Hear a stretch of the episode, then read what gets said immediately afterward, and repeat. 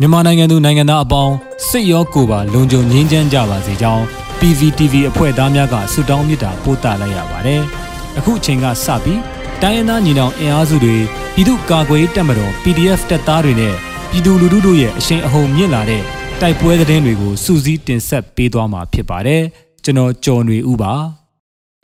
ပထမဆုံးအနေနဲ့ KNU တပ်မဟာနှစ်အတွင်းရှိစစ်ကောင်စီရဲ့လွန်ပူးနဲ့ရေတကွန်ရှေ့တန်းစခန်းများကို KNL ပူးပေါင်းအဖွဲ့တွားရောက်ပစ်ခတ်၃ရက်အတွင်းစစ်သား18ဦးခန့်တေဆုံးတဲ့တဲ့တင်ဆက်ပါမယ်။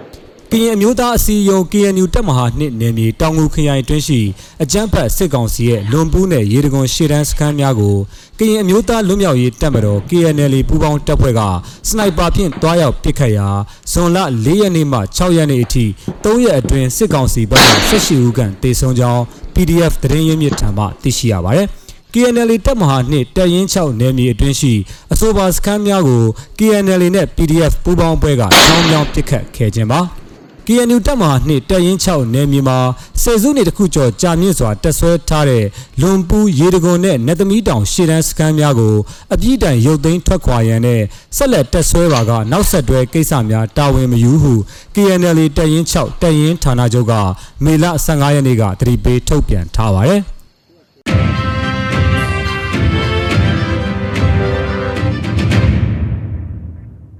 ဆက်လက်ပြီး စိတ်ဖြူထမကောက်ကြေးရွာမှာတက်ဆွဲထားတဲ့စစ်တပ်ကို PDF ပူးပေါင်းတပ်များဝင်တိုက်မှုစစ်သား10ဦးသေဆုံးပြီးဆက်လက်နဲ့တလက်ရရှိတဲ့သတင်းတင်ဆက်ပါမယ်။မကွေးတိုင်းစိတ်ဖြူမြို့နယ်ထမကောက်ကြေးရွာမှာတက်ဆွဲထားတဲ့စစ်ကောင်စီတပ်စခန်းကို PDF ပူးပေါင်းတပ်များကယမနေ့မွန်လွဲပိုင်းမှာဝင်ရောက်တိုက်ခိုက်ရာစစ်သား10ဦးသေဆုံးပြီးဆက်တနက်တလက်ရရှိကြောင်းမြစ်ချေကျွန်းကျောင်းပြည်သူ့ကာကွယ်တပ်ဖွဲ့ကသတင်းထုတ်ပြန်ပါတယ်။ ဇွန်လ9ရက်နေ့မွန်လွယ်2နာရီခွဲဝန်းကျင်အချိန်မြစ်ချေကျွန်းချောင်းပြည်သူ့ကာကွယ်ရေးတပ်ဖွဲ့နဲ့စိတ်ဖြူမြောက်ပိုင်းပူးပေါင်းတပ်ဖွဲ့တို့ကထမကောက်ကြီးရွာရှိစစ်တပ်စခန်းကိုတွားရောက်တိုက်ခိုက်ကြောင်းစစ်သား10ဦးသေဆုံးပြီး MA2 ဆက်လက်နဲ့တလက်ရရှိကြောင်း PDF များဘက်မှရဲဘော်တအူကြဆုံးပြီးနှစ်ဦးပြင်းထန်စွာဒဏ်ရာရရှိကြောင်းသတင်းထုတ်ပြန်ထားတာပါ။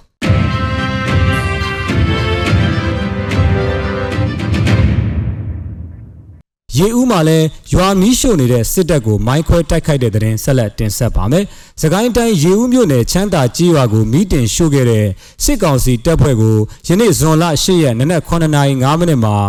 ရမိတ်တာရွာနဲ့ညောင်လကြီးရွာမူးဆုံကြား၌ဒေသကာကွယ်တပ်ဖွဲ့များကမိုင်းခွဲပစ်ခတ်တိုက်ခိုက်ခဲ့ကြောင်းဗိုလ်မုတ်စိတ်ဖွဲ့ကသတင်းထုတ်ပြန်ပါတယ်။ မိုင်းခွဲပြီးအသင့်ဆောင်ကြိုတိုက်ခိုက်ရာ10မိနစ်ခန့်တိုက်ပွဲဖြစ်ပွားပြီးစစ်သားတေဆုံးမှုရှိကြောင်းအဆိုပါစစ်ကောင်စီတပ်ဖွဲ့ကိုဗိုလ်မုတ်စိတ်ဖွဲ့ Freedom Revolution Force FRF တပ်ဖွဲ့ DRPA တပ်ဖွဲ့ရေဦးမြို့နယ်ပကဖပူးပေါင်းဖွဲ့များကတိုက်ခိုက်ခဲ့ကြောင်းသိရှိရပါတယ်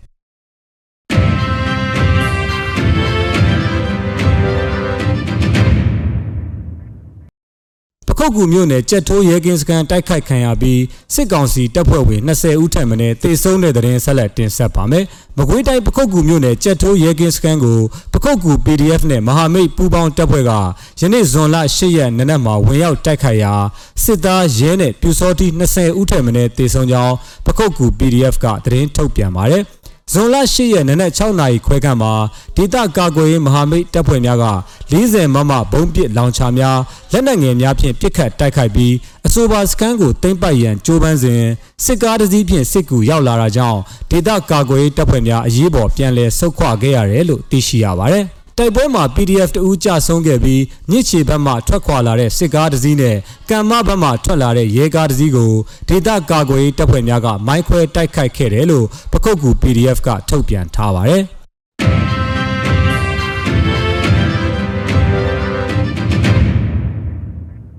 ဆက်လက်ပြီးဂံကောမှာစစ်ကောင်စီစစ်ကြောင်းတိုက်ခိုက်ခံရပြီး38ဦးသေဆုံးတဲ့တဲ့နဲ့မြောင်မှာစစ်ကောင်စီတပ်ဖွဲ့နှစ်ကြိမ်တိုက်ခိုက်ခံရပြီး9ဦးသေဆုံးတဲ့တဲ့တွေဆက်လက်တင်ဆက်ပါမယ်။မကွေးတိုင်းကြောမြို့မှာဂံကောမြို့ဘက်သို့ထွက်ခွာလာတဲ့စစ်ကောင်စီရင်တန်းရဲ့ရှေ့ပြေးခြေလျင်စစ်ကြောင်းကို Master People's Defense Force ဂံကော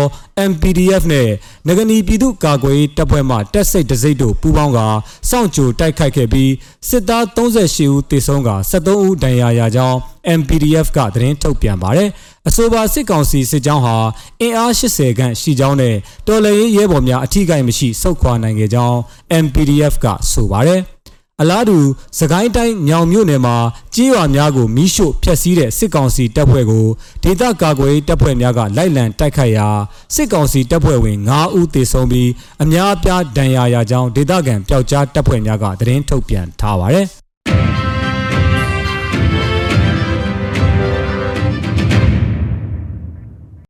နောက်ဆုံးအနေနဲ့အမျိုးသားညီညွတ်ရေးအစိုးရပြည်ထရေးနဲ့လူဝင်မှုကြီးကြပ်ရေးဝန်ကြီးဌာနက2022ခုနှစ်ဇွန်လ10ရက်ရက်စွဲနဲ့ထုတ်ပြန်ခဲ့တဲ့ပြည်သူ့ခုခံတော်လှန်စစ်တရင်အချက်လက်တွေကိုတင်ဆက်ပေးသွားမှာပါအာနာသိန်းအကျန်းဖတ်စေအုပ်စုရဲ့ပြည်သူလူထုအပေါ်အကျန်းဖတ်ဖိနှိပ်ဖန်ဆီးတိုက်ခိုက်တပ်ဖြတ်နေမှုများကိုပြည်သူလူထုတရက်လုံးကအသက်ရှင်တန်ရေးအတွက်မိမိကိုယ်ကိုမိမိခုခံကာကွယ်ပိုင်ခွင့်အရာ ပြည်သူ့ခုခံစစ် People's Defensive War ကိုဆင်နွှဲလျက်ရှိပါတယ်။တရင်အချက်လက်များအရ2022ခုနှစ်ဇွန်လ9ရက်အင်္ဂါနေ့မှာစစ်ကောင်စီတပ်ဖွဲ့ဝင်40ဦးသေဆုံးပြီးထိခိုက်ဒဏ်ရာရရှိသူ28ဦးအထိခုခံတိုက်ခိုက်နိုင်ခဲ့ပါတယ်။ ဆီယနာရှင်စနစ်မြမမြေပေါ်မှာအပြည့်တိုင်ခြုံငင်းရင်းနဲ့ Federal Democracy တည်ဆောက်ရေးအတွက်ငြင်းချမ်းစွာဆန္ဒပြတဲ့လူထုတပိတ်တိုက်ပွဲများကပြည်내နဲ့တိုင်းဒေသကြီးများမှာဆက်လက်ဖြစ်ပွားပေါ်ပေါက်လျက်ရှိပါတယ်။မြေပြင်မှာတော့ယခုတွေ့ရတဲ့သတင်းအချက်အလက်များထက်ပို၍ဖြစ်ပွားနိုင်ပါတယ်ခင်ဗျာ။